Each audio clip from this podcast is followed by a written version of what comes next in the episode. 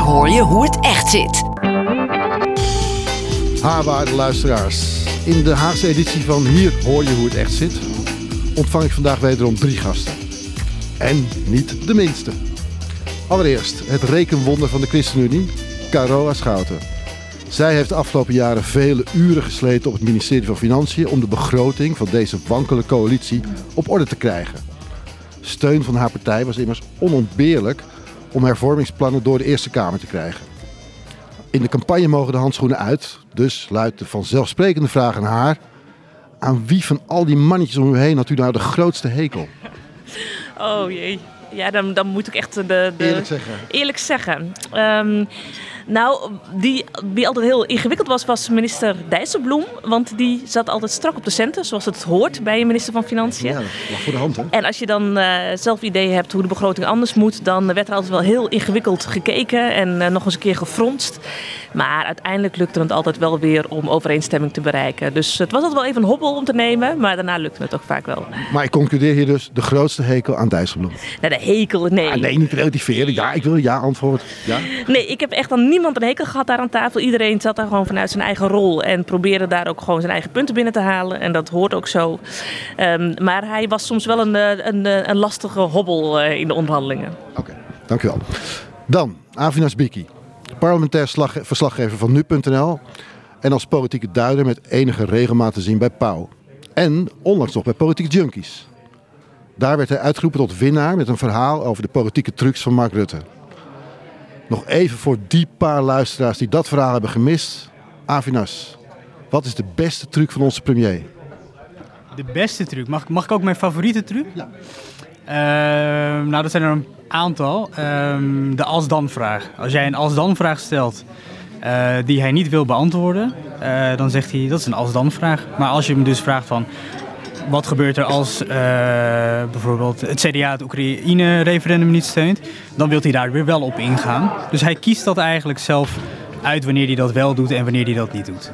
Dat is jouw favoriete truc? Of, of heb je er nog eentje die je ook heel graag wil vertellen? Wat is nog meer leuk? Ehm, de als dan vraag natuurlijk. En wat hij, wat hij ook wel eens doet is, eh, als je hem een vraag stelt die hij niet wil beantwoorden, dan zegt hij van, daar kom ik op terug. Maar daar komt hij nooit op terug. Komt hij nooit op terug. Dankjewel. En dan, tenslotte Kamerlid Roland van Vliet. Die in maart 2014 uit de PVV stapte naar aanleiding van de minder-minder uitspraak van Geert Wilders. Tegenwoordig is hij lid van de VVD, maar onafhankelijk Kamerlid. Hij keert ook niet terug in de politiek na de volgende verkiezingen. Daarom de vraag, was zes jaar Kamerlidmaatschap voor u de moeite waard? Of bent u blij dat u het Binnenhof mag verlaten? Bijna zeven jaar in maart. En ehm, ik ben niet blij dat ik het Binnenhof verlaat, want ik had graag nog doorgegaan. Dat weet iedereen, dat is een eerlijk antwoord. Dus het was zeer de moeite waard. En ik heb er ook geen spijt van dat ik mijn carrière als bedrijfsfiscalist hiervoor heb opgegeven. Dat is interessant, want ik, eh, ik vraag het eigenlijk ook omdat we gisteren in een interview lazen met PvdA-Kamerlid Astrid Oostenbrug. Die zegt dolblij te zijn dat ze het keurslijf kan verlaten. Heeft dat voor u nooit zo gevoeld? Niet als een keurslijf, het is wel een aparte arena hier. En er zijn mensen die hebben een dubbele agenda en die, eh, die eh, laten jou het liefst struikelen. Zijn dat mensen van andere partijen? Nee, niet altijd. Ook mensen van je eigen partij. Ik heb één ding van Geert Wilders geleerd. Die zei ooit tegen mij, eh, je grootste vijanden zitten in je eigen fractie. Want iedereen wil straks weer een plekje terug op die lijst. En dat was ook zo. Ja. Nou ja, of het de grootste vijanden zijn, weet ik niet. Maar kijk, de arena hier, daar moet, je een beetje feeling voor hebben. En je moet af en toe een olifantenhuid hebben. Eh, je ligt continu onder het vergrootglas van media. Daar moet je mee om kunnen gaan. Ik kan me voorstellen dat dat, dat, dat als knellend wordt ervaren. Maar voor mij als persoon eh, maakte dat niet zoveel uit. Ik heb vooral hier eh, veel bevrediging gevonden in wat ik deed. Ze zegt ook, oprechtheid is in de Tweede Kamer geen handige kwaliteit. Dat is de kop van het artikel. Bent u het daarmee eens? Hmm, Ik zou meer durven zeggen van eh, politieke handigheid. Dat is wel, eh, eh, dat komt je heel goed van pas hier. En soms ja, wordt er wel gemanipuleerd om het een beetje je eigen straatje in te krijgen. Dat hoort toch wel een beetje bij het politieke spel. Maar iedere persoon is zoals hij is. En ik kan niet zomaar zeggen dat hier niemand oprecht is. Dat zou ik nooit durven stellen. Na Carola Schouten, logisch dat ik nu bij- u terechtkom. Ehm oprechtheid is geen handige kwaliteit. Iedereen heeft zijn eigen stijl. Maar ik heb ook meegemaakt dat, dat ik hele oprechte collega's heb. Dus het is niet zo dat uh, iedereen die in Den Haag rondloopt uh, onoprecht is. Natuurlijk moet je wel een bepaalde nou ja, slimheid hebben in hoe je uh, kunt inschatten. Wat vindt een ander belangrijk, wat vind ik belangrijk. hoe kan ik zo zorgen dat we allebei toch een soort optimaal resultaat gaan halen. Um, dat heeft soms ook te maken dat je de procedures goed kent. of dat je ook soms ook wel eens dingen zegt van nou als ik jou dit geef kan ik dan dat terugkrijgen. Dat hoort allemaal bij het politieke spel. Is het, is het een, dat interview is best scherp en dat keurslijf, dat, dat, dat moet je toch als Kamerlid wel herkennen? Nou, ik, ik, bij ons in de fractie, en dat kan ik met de hand op mijn hart zeggen, uh, zijn wij niet elkaars uh, poten onder de stoel aan het vandaan zagen. Um, bij ons is er echt harmonie in de fractie. Dus ik kan ook niet zeggen dat mijn vijanden in de fractie zitten. Integendeel, bij ons is het altijd de kunst om te zorgen dat onderwerpen van je bord afgaan. Omdat het altijd, we anders veel te druk hebben met wat je. Kleine fractie. En dan, uh, nou, dan moet je elkaar ook helpen soms, omdat dat je niet op drie plekken tegelijk kunt zijn. Um, maar ik geloof niet dat op, oprechtheid hier een, een probleem is. Sterker nog, ik denk soms dat je juist door heel open. Soms mag je natuurlijk dingen niet zeggen vanwege. Je hebt, je hebt altijd in je fractie onderling discussie over onderwerpen. Het is echt niet zo dat alle onderwerpen uh, heel erg induidelijk liggen. Avi is een keer bij ons in de fractievergadering geweest. Dus die heeft dat ook gezien dat wij ook onderling discussiëren over bepaalde onderwerpen. Um, en uh, dat is niet altijd heel eenduidig, maar je probeert wel er met elkaar uiteindelijk uit te komen. En als er onderwerpen zijn die bij ons, uh, wij noemen dat altijd onderwerp op leven of dood, uh, dan hebben wij ook ruimte om gewoon onze eigen keuze te maken. En ook je eigen inbreng in de Kamer. Uiteraard, de, de woordvoerder weet altijd het Afwijkend meest. stemmen. Ja, maar je probeert er altijd wel eerst met elkaar uit te komen. Dat vind ik ook wel een groot goed. Dat je gewoon intern ook blijft discussiëren. Hoe, moet ik, uh, hoe kan ik het zo verwoorden dat iedereen ook wel uh, nou ja, uh, tevreden is met wat er uiteindelijk als lijn wordt neergezet. Avi, ik hoor nu dat je aanwezig mocht zijn bij een fractievergadering van de ChristenUnie. Dacht je toen van, wauw, dat wil ik ook, dat politieke handwerk doen. Ik wil ook de Kamer in. Als de partij jou vraagt, hap je dan toe? Nee, nou de fractie, het was de allereerste uh, heel bijzonder om dat mee te maken. Hoe zo'n fractievergadering eraan toe gaat. Ik weet niet of dat representatief is voor alle partijen natuurlijk. En dan naar de vraag of dat iets voor mij zou zijn. Ik uh, denk het niet. Allereerst uh, omdat ik er best wel moeite mee heb dat journalisten een overstap maken naar de politiek. Uh, ik denk dat dat een beeld. Gebeurt wel veel, hè? gebeurt veel. Ik denk dat dat een beeld bevestigt bij uh, de mensen buiten Den Haag. Dat uh, de politiek en de journalistiek te veel met elkaar verweven zijn.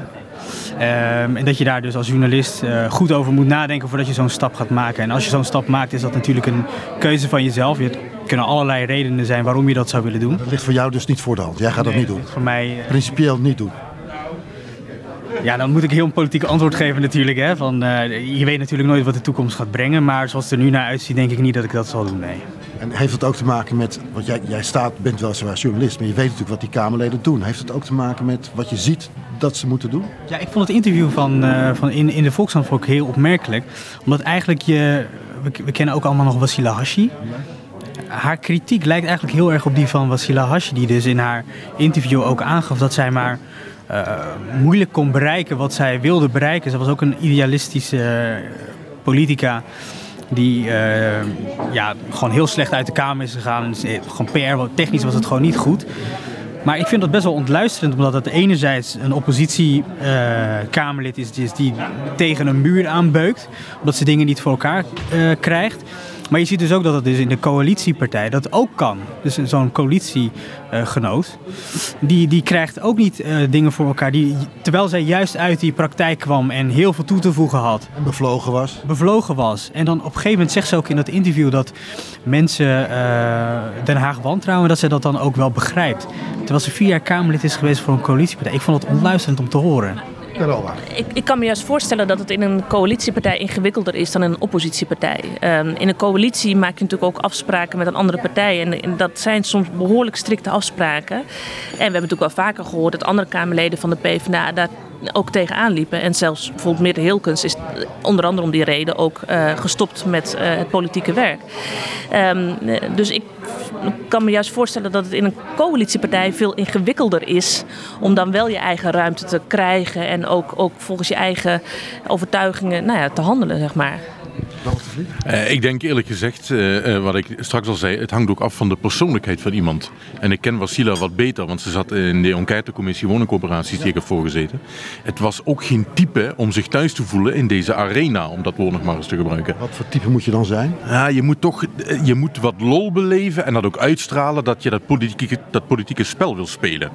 Dat je bereid bent af en toe, dat geven en nemen wat Carola zegt, dat je daar een beetje in durft te duwen en te manipuleren. Initiatief eh, om op mensen af te stappen. En ja, eh, dat, dat, dat moet in je zitten. En Wasila en ik denk ook Astrid zijn, zijn niet echt types. Dus je moet manipuleren, je moet het spel begrijpen, je moet de huid van je moeder af, af en toe kunnen verkopen. Dat denk ik wel, dat het zeker meespeelt. Maar ik, ik vind dat heel interessant dan om, om, om te horen dat, dat het er dan zo aan toe moet gaan.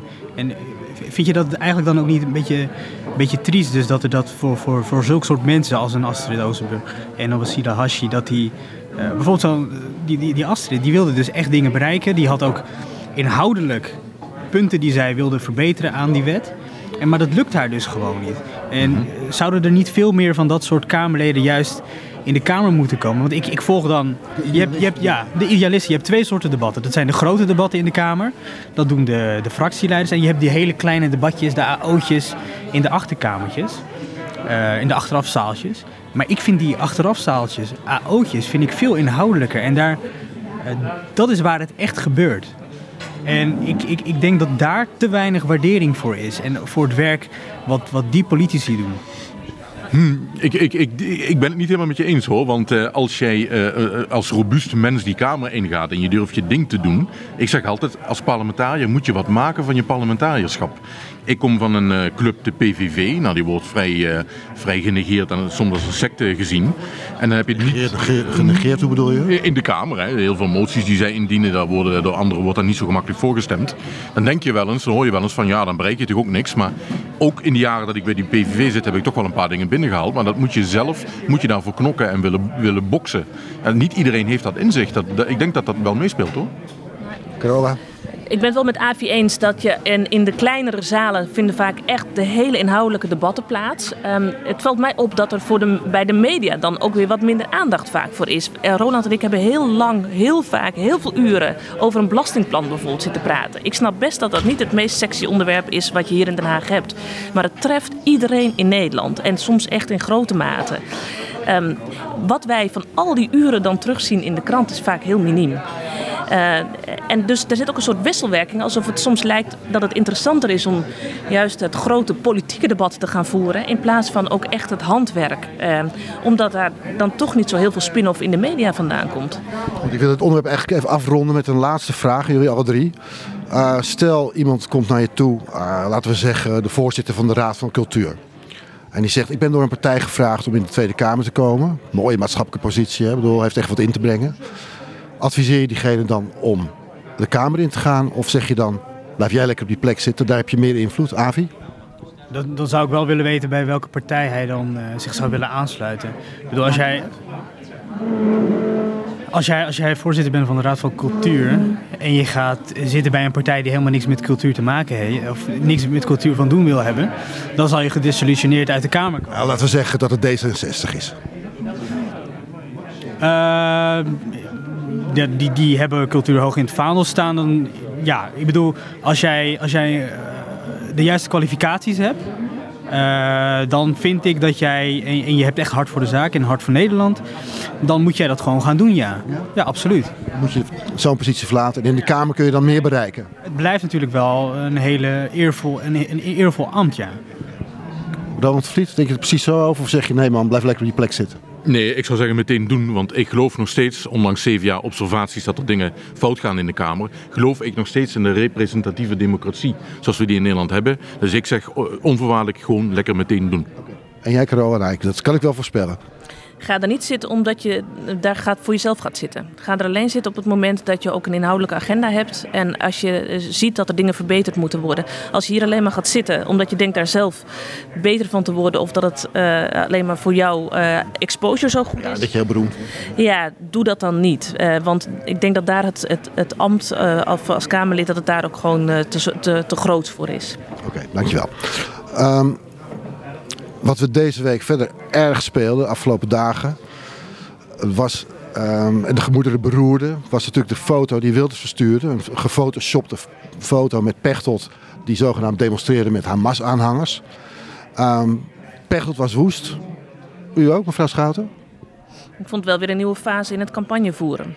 En nou niet een hele hoogstaande fase in het campagnevoeren. Um, je ziet dat het campagnevoeren eigenlijk verschuift van uh, de inhoud of de woorden of de ideeën of de plannen naar uh, wat voor beelden kunnen we van elkaar neerzetten. En dat was nu deze week heel erg letterlijk een beeld uh, van een, een activist, Pechtold als activist tussen allerlei Hamas-aanhangers waren het geloof ik.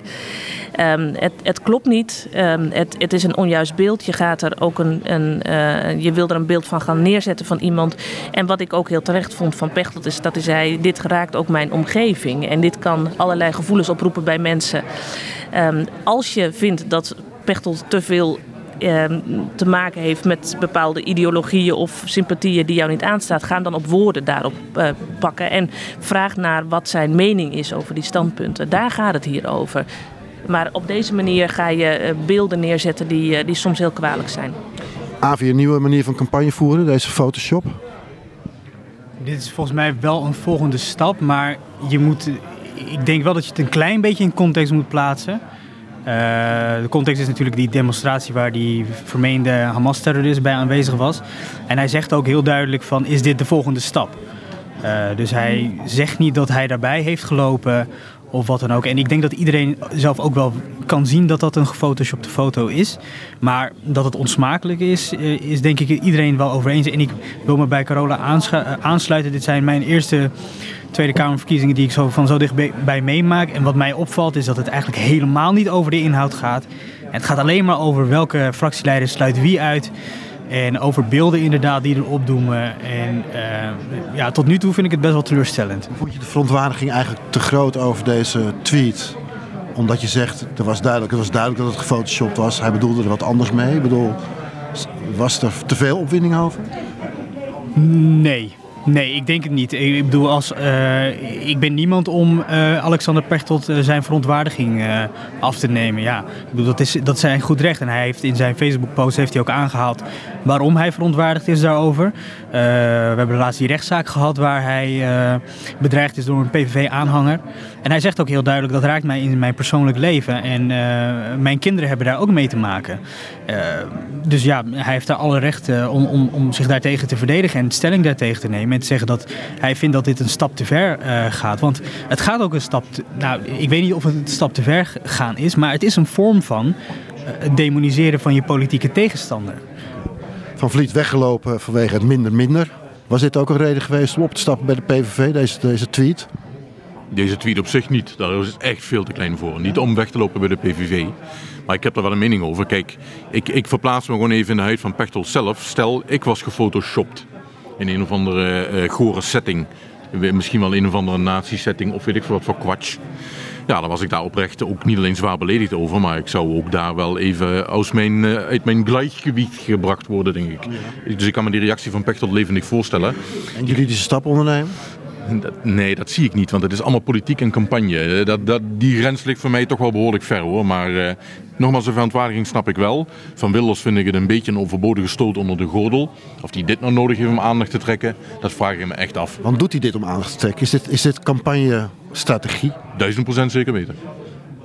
Um, is dat omdat er gebrek aan geld is bij de PVV dat hij dat op deze manier doet? Of is dit gewoon de manier die ze het leukst vinden? combinatie van factoren. Er zijn geen middelen en er is geen geld, er is geen samengang, er is geen partij, helemaal niks. En het gaat hem heel gemakkelijk af. Hij krijgt ook iedere keer die aandacht. Met zo'n tweetje, iedereen springt er weer bovenop. Geert is weer de nummer 1 in de, de hitlijsten op internet en noem maar op.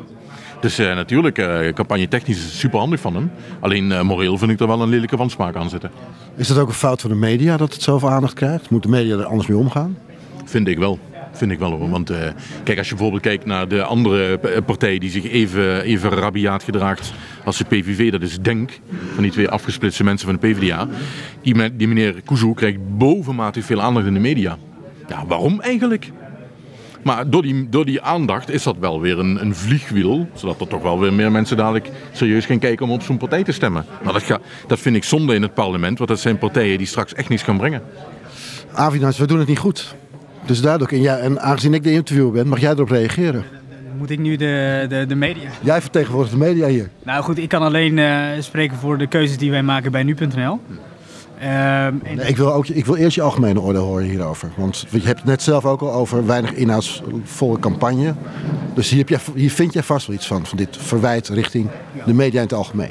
Ja, ehm, eh, volgens mij een van de basisregels is, is dat je hoor en wederhoor toepast. En als Wilders een tweet de wereld ingooit, ehm, is hij vaak niet bereikbaar om, het, om de tweet toe te lichten. Hij heeft dat bijvoorbeeld gedaan bij eh, het preventief eh, sluiten van de AZC's. Ik weet niet of jullie dat nog kunnen, kunnen herinneren. Eh, daar heeft hij gezegd van AZC's, da- daar gaat gewoon een hek omheen. En dat was dan een tweet. En vervolgens is dat nieuws geworden. Eh, totdat eh bij notabene Poont, uh, Rutger Kastricum, hem dan vraagt van... eh, en hoe wil je dat dan gaan doen? En dan valt hij door de mand. Dus ik vind dat, je, dat, dat SEC een uitlating op Twitter nog geen nieuws is. Eh, vooral ook als het inhoudelijk niet echt iets, iets toevoegt, dan, dan is dat geen nieuws. En ik vind dat je daar als medium eh, gewoon streng in moet zijn. En als jij dus eh, om wederhoor gaat vragen, of jij vraagt om toelichting bij, bij de bron, namelijk Wilders, en je krijgt geen gehoor, eh, dan, dan moet het ergens op een gegeven moment ophouden. Tot Grappig, want volgens mij heeft de Telegraaf er vandaag helemaal geen aandacht aan besteed. Opmerkelijk. Dus dat is eigenlijk de goede lijn. Wel op telegraaf.nl hoor. Ja? Ik zag het niet in de kranten. Ja, ik, ik, nogmaals, ik, ik weet niet wat voor eh, redactionele keuzes de Telegraaf maakt. Eh, wij hebben besloten om er een stuk van te maken naar aanleiding van eh, de Facebook-post van eh Pechtold. Eh, omdat dat een reactie was op. Eh, maar je hebt het bijvoorbeeld ook gezien bij de RET-tram van Wilders. Waarin hij een eh, gefotoshopte foto heeft gemaakt van een tram, Rotterdamse tram. Daar hebben, hebben media dus ook eh, gelijk een eh, bericht eh, aangeweid dat hij zou rijden. Eh, vervolgens dan eh, werd dat dan ontkracht. Hè? Dat, zou dus niet gebeuren. En, dan is Wilders is dan de lachende derde, want hij heeft dan wel weer het nieuws gepakt. Carola Schouten, duiken de media te gretig op, eh, op Wilders en Kouzou? En te kritiekloos? Te gretig weet ik niet, want het is natuurlijk wel gewoon een, een, een, een speler van belang, als je het zo eh, ziet. Wat me wel verbaasd heeft, en dat was met name rondom eh, de uitspraak eh, over het, de, van de rechtszaak die, die speelde tegen Wilders. Hij reageerde daar met een filmpje. En ik heb daar nog wel eens over nagedacht van dat filmpje is eh, gewoon zo integraal met zijn eigen verweer zijn integraal zo uitgezonden. Het kreeg bijna meer aandacht dan de uitspraak aan zich. Ehm, maar vervolgens ehm, reageerde hij daar niet op, terwijl iedereen wel dat filmpje ging, ging eh, uitzenden. Ik heb wel toen wel gedacht, stel nou dat wij dat hadden gedaan, dat wij een, een filmpje, een, stel eh, mijn fractievoorzitter die, die, die, die krijgt een veroordeling, eh, wij sturen een filmpje, wordt dat geaccepteerd, wordt dat uitgezonden? Het is een retorische vraag, maar misschien kan Avi die, eh, die beantwoorden. Ik, ik, ik heb me daar ook heel erg over verbaasd. Want wij, eh, na de uitspraak eh, hebben wij gewacht op Wilders bij de patatbalie. Eh, nergens te zien, ge-sms'd. En op een gegeven moment sms zijn woordvoerder van... er komt zo meteen een filmpje online met een, met een statement. Dan is de vraag, hè, als medium, wat ga je doen? Ehm, en eh, in samenspraak met de redactie hebben wij dus gewoon besloten dat de uitspraak van de rechter het belangrijkste is. Eh, vervolgens hebben wij dan Wilders de ruimte gegeven om daarop te reageren. Eh, dat doet hij dan via een filmpje en een persbericht. Ehm, en daar, daar nemen wij, want wij kunnen hem niet daarover bevragen. Dus wat wij dan doen is wij nemen dan één zin uit het persbericht dan over. Maar wij linken niet naar het persbericht. Want wij vinden gewoon dat jij als politicus verantwoording moet afleggen. En je kan niet gaan wegduiken. En nogmaals, we hadden het, we hadden het niet van de ChristenUnie geaccepteerd. We hadden het niet van de PvdA, we hadden het van niemand anders geaccepteerd. accepteren we dat dan wel van Wilders? Eh, dus misschien een repeterend antwoord, maar ik kan alleen voor de keuzes. eh, ik kan alleen praten over de keuzes die wij bij nu.nl maken. Wij hebben die keuze dus niet gemaakt, maar ik weet dus wel dat er andere media zijn die als insteek hebben genomen dat Wilders, eh, volgens mij heeft hij, heeft hij het neprechters genoemd, of hij heeft, hij heeft in feite heeft hij gewoon eh, de rechterlijke macht, eh, de onafhankelijkheid, heeft hij afgeserveerd. Die hebben dat als insteek eh, genomen. Maar volgens mij, dat is mijn persoonlijke mening, is dat niet eh, jouw taak als medium om dat als insteek te nemen. Want het belangrijkste is, is dat er een politicus is veroordeeld voor, eh, voor, voor discriminatie. Ja. En Van Vliet, is dat, eh, deze manier van werken van Wilders, is dat acceptabel? Eh, moeten, we dat zo, moeten we dat maar zo accepteren? Kijk, de media en met name ook de burgers zijn er zelf bij hoeveel belang ze hier aan toekennen. is een burger mondig en slim genoeg om te doorzien dat het een, een, een holle campagne is. Omdat er eigenlijk helemaal geen middelen et cetera zijn. Maar ja, dat, dat, dat kan ik niet voor iedere burger bepalen. Ik vind wel, uh, kijk, wat Wilders doet kan maatschappelijke impact hebben. Als hij dus uh, rechters nep noemt en de rechtsstaat nep noemt en het parlement nep noemt, is dat een statement. Als je een redelijk grote partij vertegenwoordigt. In die zin vind ik het logisch dat er wel degelijk aandacht is in de media. Alleen um, wat Avi net zei over van, van de ChristenUnie of de PvdA zouden we het filmpje niet accepteren. Dat, dat vind ik wel een vreemde. Hè? Want, want stel uh, Lodewijk Asscher die zou een filmpje over, uh, over een verkeersveroordeling van zijn dochter uh, en zeggen van dat is een neprechter en dat was niet zo. Dan zetten we dat misschien ook wel uit. Ja, ik, ik denk dat heeft ook maatschappelijke impact. Er staat daar een langjarige regeringspartij okay. en dan zegt daar de vertegenwoordiger van oh. Maar wij, wij gaan het filmpje niet uitzenden. Wij, wij zullen wel meenemen dat, uh, wij zullen wel meenemen wat hij daarover gezegd heeft. Maar wij gaan niet het hele persbericht overnemen. En wij gaan niet de hele video overnemen als wij niet. Want hij doet een aantal statements in die video. Ja. En wij kunnen hem niet bevragen over die statements die hij maakt. Nee. Maar je bent dat, er is, mee, dat is onverantwoordelijk. Je bent er mee vind eens ik. dat er ook media zijn in Nederland die, die gewoon alleen maar kijken naar kijk- en luistercijfers en, eh, en, en die eh, bang zijn voor dalende oplagen en gewoon de aandacht terug willen van lezers. En die komen dus wel met dit soort... En dat, komt, dat doen ze via via Uh, soms ook, ja. Goed, maar gelijk een kleine stap maken zonder voor hierop in te gaan. Uh, zondag wordt hij geïnterviewd een uur lang door WNL. Denk je dat we daar de antwoorden krijgen die we al zo lang willen horen? Of uh, wat verwacht je van dat interview?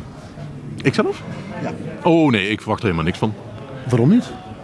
Ik ken natuurlijk Geert Langer dan vandaag, dus gewoon weer het standaard praatje. Hij zal daar ruimte opeisen om zijn eigen standpunten over het voetlicht te kunnen brengen. Maar je gaat daar geen antwoorden geven op vragen die mensen hebben. Daar geloof ik helemaal niks van. Carola, verwacht je iets van het interview met uh, Wilders? Drie kwartier lang. Goede interview, Rick Nieman.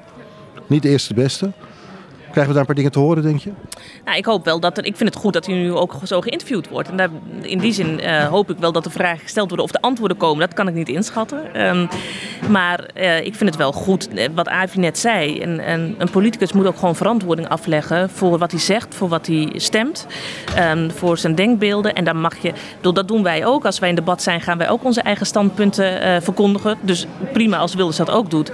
Alleen ik hoop ook wel dat hij, als hij daar kritische vragen krijgt, dat hij ook wel durft aan te geven wat hem beweegt. En ik geloof als jij de grootste bent in de peilingen, wat nu bijna alle peilingen zo is, dat uh, de bevolking daar ook wel recht op heeft om dat soort antwoorden te krijgen. Avi, verwacht jij de antwoorden te krijgen die jij niet van hem krijgt over het algemeen?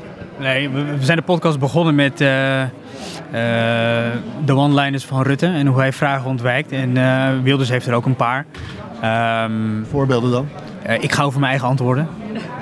Die gebruikt hij heel vaak. Of mag ik, mag ik uitspreken? Mag ik uitspreken?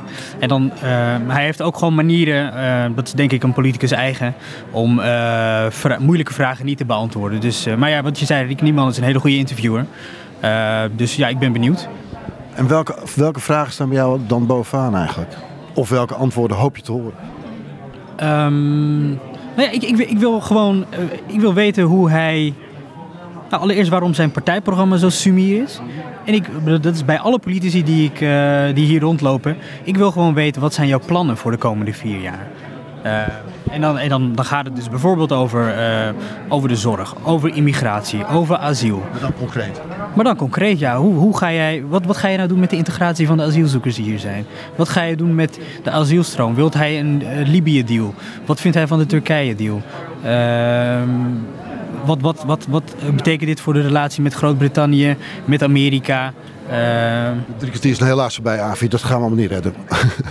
maar, uh, Van Vliet, je verwacht niks van het interview. Maar is er misschien nog één vraag die absoluut gesteld moet worden aan hem? Nou ja, ik zou, ik zou in ieder geval nog van hem willen weten van... Je roept dat je premier wil worden. Ik geloof daar helemaal niks van. Maar met wie wil je dan samenwerken? Met wie ga je het kabinet opzetten? Ja, en waarom gelooft u niet dat hij premier wil worden? Nou ja, ik wil er nu niet te diep over ingaan. Ik zit er niet met PVV te bashen, maar ik ken de club natuurlijk van binnenuit. Ik heb een paar jaar bij gezeten. En er is geen politieke horizon. Dat was een van de redenen waarom ik daar ben weggegaan. Ik denk altijd, Wilders heeft niet zoveel vertrouwen in mensen om hem heen. Als hij in het kabinet gaat zitten en premier wordt, dan moet hij met allemaal ministers werken die, uh, die hun eigen dingetjes gaan doen. En dan heeft hij ook nog een fractieleider die zijn eigen ding gaat doen. Ik bedoel, kan hij wel werken in zo'n vorm eigenlijk? Ik denk het niet. De macht delen, dat is lastig hè? Ook, ja. Oké, okay, dankjewel. Carola, um, Verwacht je iets van dat, dat interview? Of had ik dat vraag al gesteld? Nou ja. Nou, we hadden net even van welke vraag hoop je nou dat er gesteld gaat worden? En een vraag die mij altijd wel bezighoudt, en waar ik nooit zo'n antwoord heb gekregen, is al die maatregelen die hij eh, wil nemen. Hij, hij roept de grenzen dicht, eh, minder Marokkanen, eh, minder islam. Wat betekent dat nou concreet, minder islam? Gaan we dan alle moskeeën sluiten? Gaan we dan inderdaad de, de Korans eh, allemaal ophalen? Eh, hoe ziet hij dat voor zich? Want we hebben nu bij het is een beetje makkelijk om die vergelijking te maken, maar we zien nu bij Trump is heel vaak gezegd van het gaat eh, hè, eerst maar eens kijken wat voor daden eruit voort gaan komen. Nu komen die daden. Hij doet in principe gewoon wat hij heeft gezegd. En vervolgens zijn mensen daar geschokt over. Dat kan ik begrijpen. Ik kan die niet helemaal waarmaken. Nou, hij, hij is, probeert in ieder geval heel veel wegen te vinden om het wel waar te maken. En dat, eh, raar gezegd kan je dat Trump eigenlijk niet verwijten, want hij heeft het aangekondigd. Hij heeft gezegd dat hij het gaat doen. Als het dan gebeurt, eh, dan, dan zijn we daar eh, geschokt over of, of vinden we daar van alles van. Ik denk, nou, ga dan ook aan, ehm, aan, aan Wilders vragen. U heeft dit soort uitspraken gedaan, u doet ze nog steeds. Neem ons even mee hoe, wat het dan gaat betekenen op het moment dat u de grootste bent. Eh, Laat, eh, gaan we inderdaad dan inderdaad nu al die, die Korans ophalen? Gaan we die, die, die moskeeën sluiten? Gaan we die Marokkanen nu allemaal en masse over de grens heen zetten? Vertel het ons, want dan weten we in ieder geval wat er gaat gebeuren als u de grootste wordt. Krijg je geen antwoord. Daar krijg je geen antwoord op, zegt Roland van Vliet. Zeker weten. Eh, ik wil even over naar een ander onderwerp van deze week. In Duitsland en Frankrijk zien we de socialisten plotsklaps opstaan. Dankzij twee nieuwe leiders. Martin Schulz heeft opeens eh, de SPD weer op de kaart gezet. En in Frankrijk, nog veel bijzonderder bijna eigenlijk, Emmanuel Macron. Die samen in vervoering brengt en eh, eh, Hollande doet vergeten. In Nederland ligt links ook op zijn gat. Is zo'n mirakel in Nederland ook mogelijk eigenlijk? En wie is dan? Wie is de Nederlandse Macron? Avi. Ja, of het mogelijk is. In Frankrijk heb je natuurlijk een tweestrijd. Hè. Je hebt eerst de eerste ronde verkiezingen en dan een tweede ronde. Dus in een tweestrijd is het veel makkelijker kiezen. Eh, dan heb je één linkse kandidaat en één rechtse kandidaat. Dat is in Nederland ligt dat natuurlijk heel anders. Partijen zouden graag willen dat ze die strijd zouden kunnen aangaan, zo'n tweestrijd. Maar Op zoek naar de tweestrijd. Iedereen is op zoek naar die tweestrijd. Ehm maar het lijkt deze verkiezing wel heel lastig te worden om een linkse kandidaat voor een rechtse tegenover een rechtse kandidaat te vinden. Maar als je kijkt naar de overeenkomsten, dan denk ik dat de meest logische eh, vergelijking die je kan maken met Jesse Klaver is. Als je dat zegt, dan betekent dat dat Asje uit de, uit de race valt, hè? Ja, maar als je, als je het zeg maar hebt over. Kijk, eh, Macron is een relatieve nieuwkomer. Eh, ik zeg dat relatief omdat hij natuurlijk al po- politiek actief is geweest. Klaver ook. Maar die, die doen wel allebei een gooi naar presidentschap en premierschap. Dus ze zijn wat dat betreft allebei het new kid on the block. Ze doen het heel goed met die meetings die ze, die ze hebben, die Jesse Klaver een meetup noemt. Eh, we gaan binnenkort naar de Heineken Music Hall. Eh, wat ze allebei ook wel heel slim doen is, eh, voor, voor die meetups, dan zeggen ze gewoon iedereen is welkom. Je hoeft niet eens lid te zijn van die partij. Ik snap niet waarom andere partijen dat niet doen. Van iedereen is gewoon welkom, kom, kom maar gewoon kijken. En van Spekman mochten ook eh, niet leden stemmen op de, op, de, op de nieuwe partijleider. Alleen het, uiteindelijk werkte dat niet uit. Ja, Hetzelfde model. ja klopt. Maar het was natuurlijk omdat de PvdA, ja, die moest een beetje kiezen tussen Samsom en Ascher. En ik vraag me echt af, ja, Ascher doet het gewoon niet zo goed op dit moment. Eh, die zullen daar echt iets op eh, moeten zien te vinden. Ja, dat denk ik ook. Ehm Roland van Vliet, wie is de Nederlandse Macron? Jij zit natuurlijk enorm te wachten op zo'n lekkere linkse leider tegen, en wie je kunt vastklampen en wie die je kunt gaan steunen in de, in de verkiezingsstrijd. Ik zou willen zeggen, ik gun de Nederlandse kiezer zijn aan haar keuze. Dat is iets anders. Ik maak mijn eigen, ik maak mijn eigen keuze.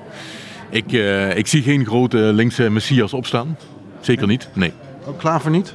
Nee. Als Avi voorspelt? Nee hoor. Nee, ik, ik, ik voorspel niet dat hij opstaat. Dat hij de meeste kans zou hebben, zeg maar. Ik zie de meeste overeenkomsten tussen Macron en tussen Klaver. Maar ik weet echt niet of hij echt een tweestrijd kan aangaan eh, met Rutte of met Wilders. Daar, daar is links gewoon te verdeeld voor op dit moment. We, we leven ook in een bepaald tijdsgevricht en die, eh, die gemiddelde boodschap van deze linkse partijen, in dit geval PvdA, SP en GroenLinks, slaat even niet aan bij een heel groot deel van de kiezers. Dat is gewoon mijn eh, realiteit die ik observeer. En als ik dan naar die drie leiders van deze drie partijen kijk, dan zou ik zelf nog steeds mijn kaarten zetten op Lodewijk Asscher. Ja, waarom? Die daar, ja, ik ken Lodewijk ook uit debatten toen ik sociale zaken deed en zo. En achter de schermen heb ik wel eens met hem gesproken. Ik vind dat een hele robuuste kerel toch. Die kan het nou even niet zo goed doen, maar ergens... Kijk, als 40% van het Nederlandse electoraat zweeft... en in die laatste week op televisie gaan we wat debatten zien... en dan moet je scoren... dan denk ik dat, dat Asscher er best nog wel eens kan staan. Niet dat hij dan de PvdA naar 40 zetels helpt... en ook geen linkse goeroe wordt... Maar van die drie genoemde acht ik hem dan wel uh, dus de meest robuuste. Dus hij moet het dan goed doen in die debatten om er weer tussen te komen. Hij moet niet met een, met een bepaald plan komen nu. Nee, of een... dat, gaat, dat gaat hem niet worden. Nee? No way. Okay. Uh, Carol, nou, dezelfde vraag aan jou. Wie is de Nederlandse Macron? Ja, ik zie hem ook niet echt. En ik moet ook afwachten, vind ik, wat, wat, of het met, hoe het met Macron gaat nu. Het balletje is ook wel redelijk zijn kant op komen rollen allemaal. Omdat er natuurlijk wel uh, op links uh, dat er niet zoveel gebeurde. Ja, en op... je niet zoveel fraudezaken bedoel je? Nee, dat zou... gelukkig maar, gelukkig maar. Um... je weet nooit dat het bonnetje er nog boven komt van de komende week. Ja, dat is, dat is waar. Die, die kwamen de laatste tijd wel weer vaak naar boven. Maar um, uh, nee, ja, ik deel de analyse van Avi wel dat links op dit moment ja, niet echt een vuist kan maken tegen de, tegen de rechtse partijen. Wat je daar ook van vindt. Maar um, ik zie wel dat Jesse gewoon wel een, een, aan, aan een gevoel appelleert. En dat doet hij goed. Ja. Dat vind ik knap. Dat hij, dat hij, uh, bedoel, we kunnen dat allemaal bagatelliseren. Maar we heus wel met enige jaloezie gekeken dat, uh, dat hij de Heineken Music Hall, of hoe hij tegenwoordig anders geloof ik, maar uh, dat hij die vol krijgt. Ja, AFAS geloof ik. Um, en dus dat, dat doet hij heel erg knap. Ik zie wel dat hij dat doet op, op locaties en in steden waar GroenLinks sowieso al wel een grote aanhang heeft. Ja, ik bedoel, zet ons voor, voor een zaal in Zwolle en we krijgen er ook nog wel wat meer vol. Zeker, zeker. Nee, absoluut. Ja, nee, maar goed, als wij onze partijcongressen hebben, daar zitten, daar zitten ook echt 800, 900 man, zeg maar, als het, als het echt wel een groot congres is. Dus het is natuurlijk ook beeld. Daar zijn we weer. Het gaat weer heel vaak om het beeld. En dat is een factor van belang. En die moet je niet onderschatten. Maar... En, en kiezers maken die keuze. Avi zegt, ik denk dat Klaver van de linkse drie het best zal scoren. Van Vliet gelooft in de robuuste Ascher. Die toch heeft leren waarderen in de debatten. Wat denk jij? Poeh. Ja, dat, dat zou veronderstellen dat ik in, in het hoofd van de linkse kiezer uh, helemaal kan. Nee, maar gewoon, um, uh, gevoel. Ik denk. Vrouwen zijn goed in intuïtie. Oh ja, ja. Um, oh, ik, Sorry, Francisco. ik denk uiteindelijk dat um, kiezers uh, vaak ook nog wel uiteindelijk op basis van de inhoud, of laat ik het zeggen, dat hoop ik, op basis van de inhoud een keuze maken. En dan red je het uiteindelijk niet alleen maar met beeld. Maar of als je echt uh, het verhaal van de PvdA goed voor het voetlicht kan brengen, want dat had u nu eigenlijk al moeten doen, ja. um, dat zal nog wel een opgave worden. Weet je wat opvalt? Niemand hier heeft het nog over Emiel Roemer. Dat valt mij op, ook op. Hoe zou dat komen, denk je? Ja, ik, het is niet aan mij om te oordelen over andermans politieke prestaties. Maar ik denk dat verkiezingen zijn 15 maart, dat 16 maart uh, Emiel uh, iets anders gaat doen. Het is niet aan mij om te... We zitten hier als politieke duiders bij elkaar. Hè? Bedoel, jullie mogen voor alles zeggen nu. Jullie mogen oordelen over mensen. Dat is juist de, de, de, het plezier van deze podcast. Ik vind dus oordeel. En hij doet ook wel goede dingen. Maar, maar laten we eerlijk zijn. De SP gaat, gaat nou niet profiteren van alles wat er gebeurt. En, en ja, dat zul je toch een keer naar je politieke lijnen moeten kijken. Dus dat, die is op 16 maart hij de eerste die eruit vliegt. Dat, dat, ik, zou dat, ik zou dat logisch vinden als het gebeurt met de uitslag wat ik een beetje verwacht wat er gebeurt. Namelijk dat de SP het niet zo goed gaat doen. Laat ik dat even vooropstellen. Goede analyse van Vliet, uh, Avi? Ja, ik, ik, ik, weet ook niet waar de SP blijft op dit moment. Ze hebben zich vastgebeten in de zorg. Uh, dat is een belangrijk thema. Uh, ik denk alleen dat ze een uh, miscalculatie hebben gemaakt met het zorgfonds. Uh, en vooral ook om het zorgfonds open te stellen voor andere partijen. Dus het zorgfonds is niet meer alleen van de SP. Uh, het is nu ook toegeëigend door de Partij voor de Dieren. 50PLUS heeft zich er ook bij aangesloten. Ja, goed, ze hebben wel de agenda gezet en vaak heb je dan toch wel, uh, ja. daar profiteer je vaak van. Maar waarom zou je nu op de SP moeten stemmen? Vraag ik even aan Carola Schout, als je het goed vindt. Nou, ik ga je dan wel even een lans breken voor de SP. Want we zijn nu net aan het doen alsof de SP niks meer voorstelt. Maar volgens mij staan ze in de peilingen nog echt voor de PvdA.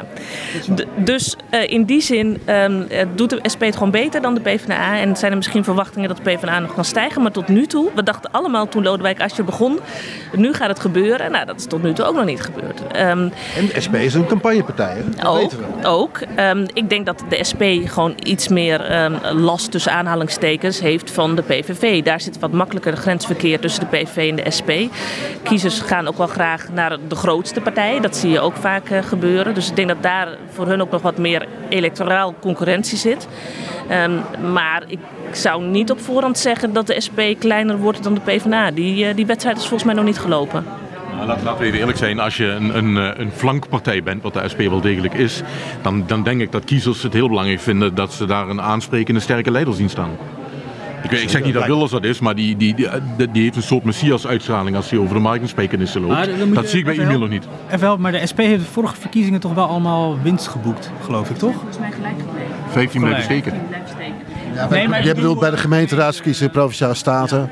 Ja, boekten ze winst ten opzichte van de vorige keer. Maar ze bleven wel zo op ongeveer dat niveau waar ze nu op zitten. in de Ja, Kamer. maar daar, daar put eh, Roemer natuurlijk ook gewoon eh, moed uit. Hè? Dat, dat ze de vorige verkiezingen, niet de Tweede Kamerverkiezingen, maar die andere verkiezingen, gewoon goed hebben gedaan. Dus eh, ik ben het ook wel eens hoor, eh, dat, eh, dat, dat, dat, dat SP nog zeker nog niet, niet, niet afgeschreven eh, kan worden. Maar wat wel, eh, dat zei eh, Roland net ook al, ehm, je, die tv-debatten die gaan best wel een rol spelen. En ja, dat imago van Roemer, eh, dat moet hij dan toch wel ietsjes meer gaan op. Heeft de SP wel zo'n charismatische leider in huis waar jij nu eh, op hint? Vriend? Oei! Zijn ze vervanger al klaar? Intern eh, zou dat best wel kunnen dat die vervanger al klaar staat, ja. Ik heb wel... Dat, nou, ik heb met SP'ers hierover gesproken en dat, dat vertrouwen ga ik niet beschamen. Ik ga dat niet zeggen. Avi zeg jij dat. Nou, Renske Leijten die kan het prima doen. Eh, ik vind Karabulut ook eh, sterk. Ehm, ze zeggen Marijnissen of, eh, Ron Meijer, hè? of Ron Meijer. Nou ja, ik moet, ik moet nog maar zien. Volgens mij moet je echt nog wel eerst eventjes eh, deze verkiezingen afwachten. Maar ik denk ook wel eventjes nog even rondlopen in Den Haag. eh, en in die Tweede Kamer zelf. Dat is toch denk ik echt iets anders dan eh, dat je in de, in de gemeenteraad in, in Limburg of ergens Al voorzitter bent. en dan voorzitter bent en dan zomaar maar even partij of fractievoorzitter in de Tweede Kamer. Jij zegt eigenlijk Lilian Marijnissen en Ron Meijer, daar komt het te vroeg voor. Dat, is, dat is een keuze van die partij zelf. Maar ik denk als je Renske Leijten hebt of Sadet Karabulut, dat die die kar uh, prima kunnen trekken hoor. Waar ik, me, waar ik me wel hoogst over verbaasd heb, is dat al die linkse partijen nu niet met elkaar in debat willen. Want de een wil niet met de ander. En de PvdA wil geloof ik niet met de SP. En de SP wil niet met de PvdA of omgekeerd met GroenLinks. Ik denk, come on, je hebt gewoon idealen. Je staat ergens voor. Je verschilt kennelijk ook van elkaar, want anders ben je niet verschillende partijen. Ga het gewoon uitleggen. Ga uitleggen aan de kiezer wat je vindt. En ga daar je kracht uithalen. En wees nou niet bang dat je, dat je verlies gaat krijgen of wat dan ook. Ik weet wie dat debat heeft afgeblazen, hè? Ja, weet jij het? Ik, ik word een beetje gek van alle mensen die elkaar aan het afzeggen zijn. Ik hoor dat Asje dat heeft afgezegd. Dat hoor ik ook.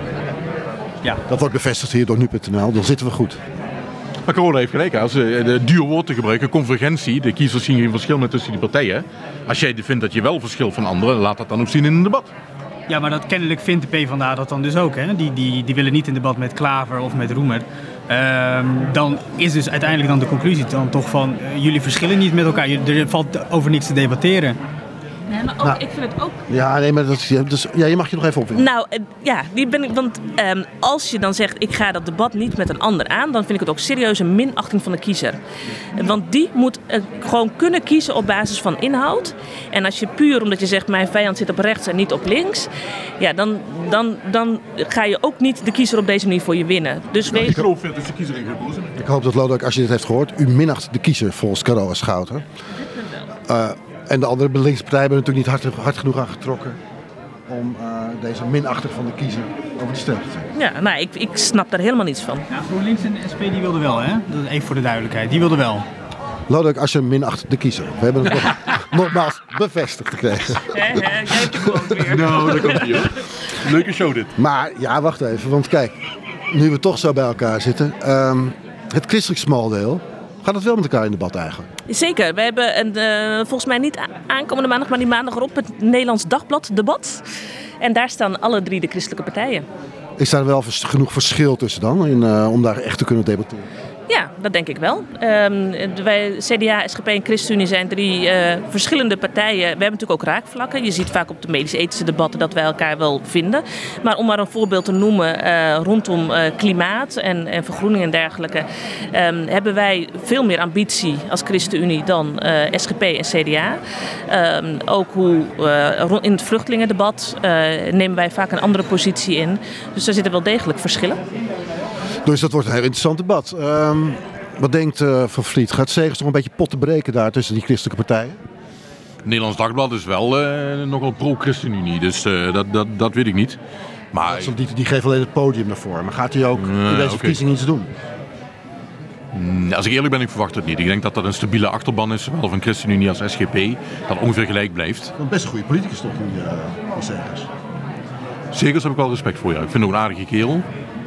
Maar ik zie wel een heel groot verschil tussen SGP en ChristenUnie zelf.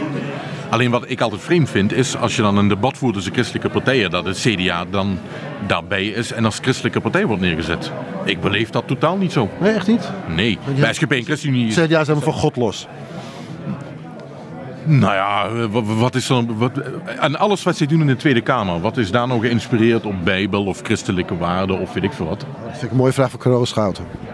Wat doet het CDA dat nog gebaseerd is op christelijke waarden? Ja, ik ga niet mijn collega's beoordelen op de mate van christelijkheid of niet. Zij, zij, uh... dat zie je toch, kun je toch terugzien? De, de, misschien dat ze iets ondersteunen vanwege de christelijke waarden. Dat ze, ja, zeker. Nou, ik, ik noemde al een aantal voorbeelden rondom medisch-ethische thema's, waarin je toch wat vaker gewoon dichter bij elkaar staat. Dan, dan zie ik wel echt degelijk verschillen met, met partijen uh, op links, maar ook op rechts. Um, die veel, en, wat bijvoorbeeld nu een voorbeeld is uh, het manifest waardig ouder worden. Dat heeft de ChristenUnie samen met andere uh, maatschappelijke organisaties als de PCOB, maar ook Omroep Max, hebben we dat geïnitieerd om te zorgen dat mensen, dat de discussie niet alleen gaat over van hoe ga je om met de dood, maar hoe kun je een, nog een waardig oud leven hebben. En dat daar veel meer in geïnvesteerd moet worden. Nou, dan zie je wel dat daar de, de ook bondgenoten, bijvoorbeeld rondom uh, CDA, SGP, uh, SP heeft overigens ook gelijk het initiatief meegenomen. Dus daar vinden we elkaar dan ook wel weer. Um, maar dat, dat, uh, dat je daar elkaar ook wel snel op vindt. Oké, wie is de Angela Merkel van de christelijke partijen volgens jou, Avinas? Angela Merkel van de christelijke partijen. Ja, ik bedoel eigenlijk, wie is, bij, de, bij de socialisten vroegen we naar Macron. Maar is Buma de onbetwiste leider van de, van de christelijke drie? Nee, maar ik, moet me bij Van Vliet aansluiten. Ik, ik beschouw uh, het CDA ook niet als een christelijke partij. Waarom niet? Eh, ChristenUnie en uh, SGP, dat zijn echt partijen met een duidelijke christelijke inslag. Maar, uh, maar dan heb ik het even over de CDA-fractie. CDA is gewoon een conservatieve partij is gewoon een conservatieve partij. Maar dan heb ik het over de Tweede Kamer. Uh, lokaal uh, zie je wel duidelijk dat er uh, raadsleden zijn of wethouders met een wat meer christelijke inslag. Als het bijvoorbeeld gaat om het opvangen van vluchtelingen, daar heeft het CDA in de Tweede Kamer een ander standpunt in. Als je dus bijvoorbeeld kijkt naar de wethouders en de raadsleden op lokaal niveau. Dus die, die hebben dan wel veel meer een christelijke inslag als het gaat om het opvangen van die mensen. Het, weet je wel, dat soort christelijke waarden. Terwijl de CDA in de Tweede Kamer daar veel strenger in is. Die zegt gewoon van we moeten het vluchtelingenverdrag gaan herzien. Er moet een maximum komen aan het aantal vluchtelingen dat we kunnen opnemen. Die zijn veel strenger op, op het thema vluchtelingen. En dat zie je dus bijvoorbeeld bij de ChristenUnie veel minder. En de SGP is ook wel weer wat strenger als het gaat om met name islamitische vluchtelingen. CDA niet echt een christelijke partij. Zo'n christelijk debat is dan eigenlijk ook maar een beetje een flauwekeurtje. Want ja, uh, er staan twee christelijke partijen en eentje, één seculiere conservatieve partij, volgens jullie. Ja goed, kijk, eh, een partij kan zich natuurlijk nog steeds een christelijke partij noemen. En wat ik ook al zei, de, de Tweede Kamerfractie is ook wel iets anders dan de hele CDA. Dan het hele CDA. Uh, en ik geloof wel dat er nog een heleboel christenen in uh, het CDA zitten. Dus dat de achterban nog wel christelijk is. Uh, Puma gaf laatst ook in de krant weer aan dat hij ook weer meer naar links wilde. Dat hij toch ook die, die rentmeestertaak van het CDA, dat hij die ook wilde oppakken. Ja, maar wat ik dus eigenlijk doe is, ik kijk meer naar hoe de Tweede Kamerfractie zich gedraagt. En ik vind dat, ik zie daar niet echt een christelijke stempel. Maar dat uh, betekent niet dat die hele partij niet meer christelijk is. Want nogmaals, die achterban, daar zullen heus nog wel christenen tussen zitten. En uh, het gedrag van een aantal raadsleden en wethouders zou je ook nog wel enigszins christelijk kunnen noemen. Nou, volgens deze heren zijn er dus maar twee christelijke partijen in ons land. Uh, ik vraag niet aan jou om dat nu te beoordelen, maar wat ik, waar ik wel benieuwd naar ben, is wat hier net over werd opgeworpen gaat Gert-Jan Segers nog zetels winnen voor de partij. Dus ik bedoel, hij heeft wel glans, geeft energie. Uh, maar is het mogelijk dat er wat te winnen valt? Is de aanhang gewoon vijf zetels, that's it? Nou, we hebben een vrij stabiele aanhang, dat is waar. Ehm, maar je ziet dat er altijd wel wat ruimte is om zetels te winnen. We hebben natuurlijk ook uh, de, de, de, marges. Ik bedoel, ik geloof niet dat wij in één keer de grootste partij van Nederland zullen worden. Daar ben ik heel realistisch in. Um, maar we hebben, er zit altijd wel een marge van, van één of twee zetels. Um, en dat, uh, daar moet je hard voor werken. Dat nu, gaat... nu vijf zetels, hè? We hebben nu vijf zetels, ja. Dus als hij zes zetels haalt, dan, dan is het applaus, uh, bloemen, champagne. Enzovoort. Ja, natuurlijk heb je het dan goed gedaan. Maar ik denk dat het belangrijkste is, en, en dat is dat we ook wel proberen in de campagne. Um, het is, je focust heel snel op zetels. Gaan we winst maken of niet? Maar we hebben de afgelopen jaren ook wel gezien dat je ook als je in klein in aantal bent, dat je wel invloed kunt hebben. Um, dus het is niet per se dat je helemaal blind moet staren op het aantal zetels dat je haalt. Probeer vooral ook gewoon te zorgen dat je plannen hebt, ideeën rondom inderdaad um, nou, de toekomst van deze aarde, rondom gezinnen. Rondom waardig oud worden. Dat je op die manier het politieke debat kunt beïnvloeden. Nou, in de afgelopen jaren is gebleken dat je ook uh, in Nederland coalitieland, maar ook uh, op andere punten waar je steun, waar het kabinet soms steun nodig heeft, dat je daar dan ook wel invloed kunt hebben. Ik heb nog één vraag, jullie. Dat is de slotvraag die we ook aan de luisteraars van dit programma stellen. Um, die staat weer een beetje buiten deze discussie. Maar de vraag is, en daar wil ik graag een kort antwoord op, want dat mogen de luisteraars ook maar een kort antwoord op geven. Is de stemwijzer een goede manier om te bepalen wat je gaat stemmen? Avinas. Nee. Dat mag je niet zien. Heel kort. Nee, de, de stemwijzer geeft een uh, beperkt, uh, beperkt beeld van waar de partijen voor staan. Ik zou zeggen, neem eventjes de moeite om een verkiezingsprogramma te lezen. Of anders, binnenkort verschijnt er op nu.nl een samenvatting van de verkiezingsprogramma's met alle belangrijke thema's. Dus informeer je zo breed mogelijk. Nou ja, het kan je op weg helpen, uh, maar meer niet, nee. Aan jou dezelfde vraag. Is de stemwijzer, Roland van Vliet, een goede manier om je keuze te bepalen? Ik vind het een handige tool. Maar de, de, de, de punten die eruit gepakt worden per partij, daar, kun je mee manipuleren zou ik zeggen. Iedereen is altijd zo verbaasd over wat er uitkomt als hij hem invult, dat ik dat wel vreemd vind. En dan kun je ook afvragen, is het dan nog wel zo'n goede tool? Je gevoelsmatig denk je, ik hoor bij die partij. Je vult alles in, je komt ergens anders uit. Hm, hm. Ofwel het is een hele goede tool, of er klopt iets niet aan. Ik, ik, heb ik moet eerlijk zijn, ik heb hem zelf nog niet ingevuld.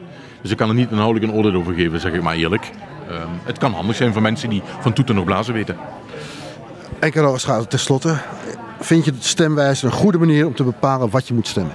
Het het is, een goede het is een eerste indicatie. Um, maar ik zou ook zeker als je een aantal partijen hebt waar je tussen twijfelt, daar toch wat meer in verdiepen wat ze in hun verkiezingsprogramma hebben opgeschreven. Bij sommige partijen ben je al sneller klaar dan bij anderen. Um, maar het is, ja, ik hoor altijd vaak, uh, mensen komen regelmatig bij de ChristenUnie uit en zijn daar heel verbaasd over. Dan denk ik, nou ga toch dan even dat programma lezen, want misschien staat er toch nog wel meer in dat je aanspreekt.